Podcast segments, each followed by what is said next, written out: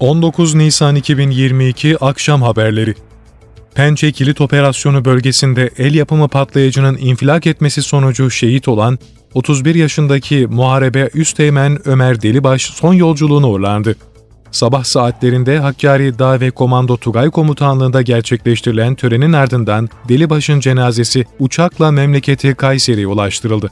Kazım Karabekir mahallesindeki baba evinde helallik alınmasının ardından şehidin Türk bayrağına sarılı tabutu cenaze aracıyla Kalem Kırdı Camii'ne götürüldü. Öğle vakti kılınan cenaze namazının ardından Üsteğmen Delibaş'ın naaşı Kartal şehitliğinde defnedildi.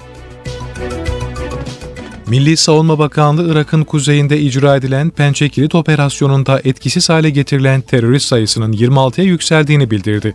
Bakanlıktan yapılan açıklamada operasyonun planlandığı gibi başarıyla devam ettiği belirtildi. Açıklamada operasyonda etkisiz hale getirilen terörist sayısının 26'ya yükseldiği kaydedildi.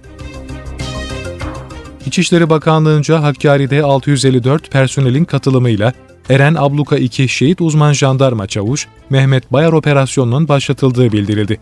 Bakanlıktan yapılan yazılı açıklamada terör örgütü PKK'yı ülke gündeminden çıkarmak ve bölgede barındığı değerlendirilen teröristleri etkisiz hale getirmek amacıyla başlatılan operasyonda 654 personelden oluşan 42 operasyonel timin görev aldığı kaydedildi.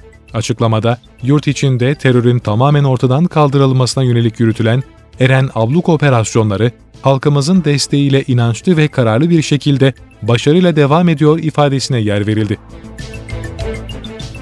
Dışişleri Bakanı Mevlüt Çavuşoğlu, Cumhurbaşkanı Recep Tayyip Erdoğan'ın İsrail Cumhurbaşkanı Isaac Herzog'la telefonda görüşeceğini duyurdu. Görüşmede İsrail güçlerinin Batı Şeria ve Mescid-i Aksa'da yaptığı saldırılar ele alınacak.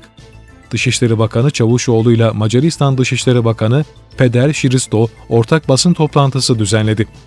İslam düşmanlığının insanlık suçu olduğunu belirten Bakan Çavuşoğlu, gerek Batı Şeria'da gerekse Mescid-i Aksa'da ölen Filistinli sayısı 18, yaralanan sayısı ise 400'ü geçti. Ramazan ayında bu artışın tesadüf olmadığını düşünüyoruz. Özellikle Batı'da neo-Nazi akımlarının siyasi partilerde buna dahil bu ırkçı ve İslam karşıtı saldırıların arttığını görüyoruz ifadesini kullandı.